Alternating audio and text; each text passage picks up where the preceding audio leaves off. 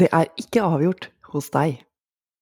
Dette er Nasjonen på øret. Jeg heter Anne Ekornholmen, og det er 9. september.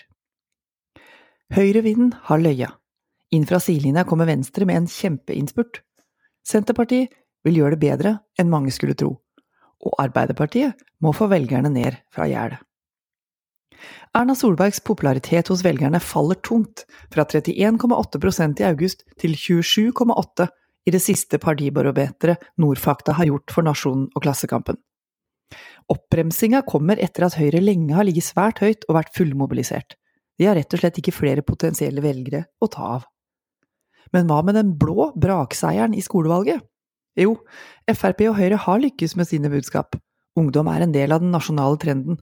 Dessuten har høyrepartiene lykkes i å treffe ungdom på TikTok og gitt venstresida ei kraftig hjemmelekse fram mot valget i 2025 hvordan møte unge velgere på de plattformene de faktisk bruker. Så har bare en tredel av ungdommene i årets skolevalg faktisk stemmerett i det ordentlige valget mandag. Men ved stortingsvalget om to år er de som nå støtter Frp og Høyre, også blitt 18 år. Det bør uroe Jonas Gahr Støre, eller hans arvtaker, når han eller hun skal kjempe om statsministervervet i 2025.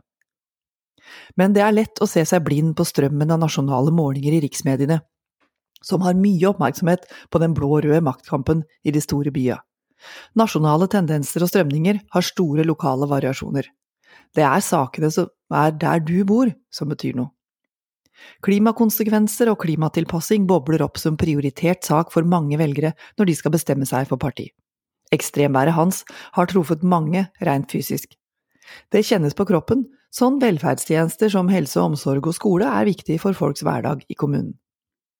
Om høyresida vant skolevalget totalt sett, er det derfor verdt å merke seg at Arbeiderpartiet ble største parti både i Finnmark, Trøndelag og Østfold. Og i Troms var det faktisk SV som vant skolevalget. Ved videregående skoler i Trøndelag gikk dessuten Senterpartiet kraftig fram, med både 7, 14 og 19 prosent målt mot 2019. Velgerne er altså opptatt av ulike saker og finner svar hos forskjellige partier. Og sjøl om én million nordmenn allerede har forhåndsstemt, er mange fortsatt usikre. Ap og Sp har spesielt mange velgere som sitter på gjerdet uten å ha bestemt seg.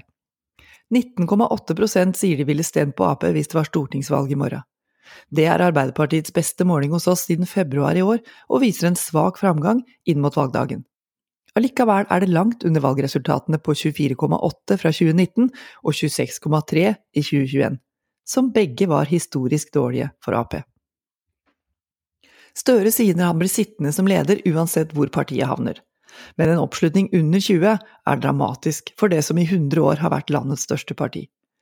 Alt tyder på at det må et lite jordskjelv til for at Ap skal bli større enn Høyre totalt sett ved mandagens valg. Noe historisk er i emning. Hadde det vært stortingsvalg i dag, ville 6,9 gitt sin stemme til Senterpartiet. Det er det beste for Trygve Slagsvold Vedums mannskap siden mars i år, og opp fra veldig labre 4,9 i august. Distriktspartiet kan bli premiert av at regjeringa denne uka lovte kraftig kutt i barnehagepriser over hele landet, og særlig i små, grisgrendte kommuner. Oppfyllelse av løfter er fint å vise til rett før valget.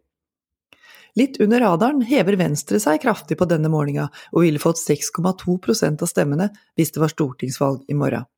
Det er Venstres beste notering hos oss siden november 2016. Venstre inngår som et viktig parti i mange samarbeidskonstellasjoner lokalt. Det preger kommunepolitikken at man finner pragmatiske flertall, ofte på tvers av tradisjonelle skillelinjer. Partier som i rikspolitikken står langt fra hverandre på den politiske skalaen, er gjerne kompanjonger på kommunenivå. Lokalt er det praktisk og logisk. For regjeringspartiene Ap og Sp kan det imidlertid bety mer strekk i laget og vesentlig mer krevende å finne lokal forankring i grasrota for nasjonale politiske prosjekter. Sp er kjent som ordførerpartiet. Plassert i sentrum har de finjustert evnen til å bygge allianser mot både høyre- og venstresida i politikken, nesten uavhengig av egen størrelse. Det er en vei til makt og gir mange flere ordførerposisjoner enn sjølve valgresultatet tilsier. For Frp, KrF, MDG, SV og Rødt er det bare mindre endringer på denne målinga. Og så er det altså kommuner og fylker som gjelder. Noen steder kan velgerne plukke fra en brei partiflora med opptil 12–14 lister, i andre kommuner stiller bare to partier til valg. Akkurat åssen det ligger an hos deg to dager før valget, er det likevel vanskelig å si noe helt sikkert om, både for lokalpolitikere og innbyggere. I 237 kommuner rundt i landet er det ikke gjennomført en eneste meningsmåling i løpet av valgkampen. Men som Johannes Berg ved Institutt for samfunnsforskning sier til Nasjonen, velgerne tenker sjøl, sjøl om målinger viser det ene eller det andre. Dette var Nasjonen på øret.